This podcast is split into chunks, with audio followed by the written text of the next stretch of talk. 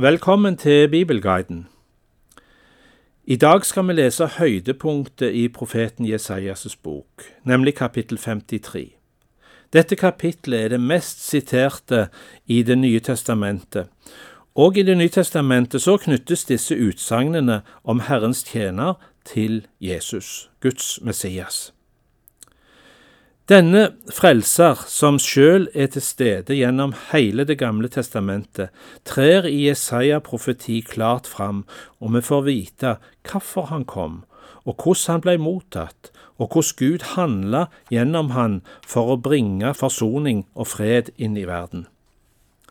Han er så mye mer enn Kyros, perserfyrsten, som Gud brukte som sitt redskap for å føre de langflyktige israelittene hjem fra Babylon. Han var en redningsmann for et liten rest av Guds folk. Det han gjorde var begrensa i tid og omfang. Nå presenteres han som er verdens frelser, han som gjennom fornedrelse, spott og lidelse og død brakte frelse og evig liv inn i verden. Han blei opphøya og fikk all makt i himmel og på jord. Han tituleres med kongenes konge. Ingen er større enn han. Profeten ser mye, men han ser ennå ikke alt. Ennå er ikke bildet fullkomment. Men da den som var lova, trer inn i verden, vitner hans disipler og sier, Vi så Hans herlighet, en herlighet som den enbårne sønn har fra sin far. Så er denne Herrens tjener, som vi møter i dette kapittelet, Guds sønn, Han som kom til vår redning og frelse. Lytt til mektige ord som bringer liv til den som tar imot. Kapittel 52, som vi leste i siste utgave av Bibelguiden, slutter med at Gud bringer inn i verden et uhørt, usett og utenkelig budskap. Men gjennom dette Guds budskap skal mennesker forstå, og mennesker skal se. Nå åpner kapittel 53 med et spørsmål. Hvem trodde budskapet vi fikk? Hvem fikk se Herrens hånd i det hele? Dette er jo så hinsides all menneskelig tankegang. Han kom fra fattige og uanselige kår, hans hjem var ikke kongens palasser. Som en liten spire kom han, født inn i menneskeslekten som et lite, utsatt barn. Han erfarer å bli forakta, han var kjent med sykdom og nød, og hans egne avviste han.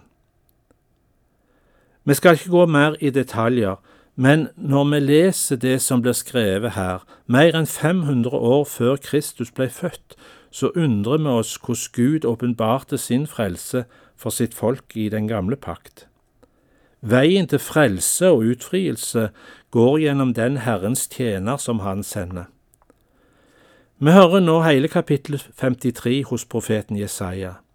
Slik synger han om Herrens lidende tjener. Hvem trodde budskapet vi fikk? Hvem ble Herrens arm åpenbart for? Han skjøt opp som en spire for hans ansikt, som et rotskudd av tørr jord. Han hadde ingen herlig skikkelse vi kunne se på, ikke et utseende vi kunne glede oss over. Han var foraktet, forlatt av mennesker, en mann av smerte kjent med sykdom, en de skjuler ansiktet for. Han var foraktet, vi regnet ham ikke for noe. Sannelig, våre sykdommer tok han, våre smerter bar han. Vi tenkte, han er rammet, slått av Gud og plaget men han ble såret for våre lovbrudd, knust for våre synder. Straffen lå på ham, vi fikk fred, ved hans sår ble vi helbredet. Vi gikk oss alle vill som sauer, hver tok sin egen vei. Men skylden som vi alle hadde, lot Herren ramme ham. Han ble mishandlet, han ble plaget, og han åpnet ikke munnen. Lik et lam som føres bort for å slaktes, lik en sau som tier når den klippes, og han åpnet ikke munn. Etter fengsel og dom ble han tatt bort. Men hvem i hans tid tenkte på at han ble utryddet av de levendes land fordi mitt folks lovbrudd rammet ham? Da han var død, fikk han sin grav blant urettferdige og hos en rik, enda han ikke hadde brukt vold, og det ikke fantes svik i hans munn. Det var Herrens vilje å knuse ham med sykdom. Når hans liv er gitt som skyldoffer, skal han se etterkommere og leve lenge. Ved hans hånd skal det lykkes, det Herren vil. Etter sin nød skal han se lys, han skal mettes ved sin innsikt. Min rettferdige tjener skal gjøre de mange rettferdige, han har båret deres skyld. Derfor gir jeg ham del med de mange.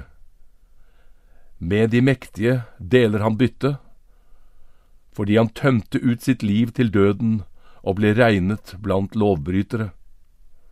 Han tok på seg de mange synd og ble rammet i stedet for lovbrytere. Frelse gjennom lidelse. Slik kan vi oppsummere dette siste kapittel vi har lest. Hvor uransakelige er ikke Herrens veier?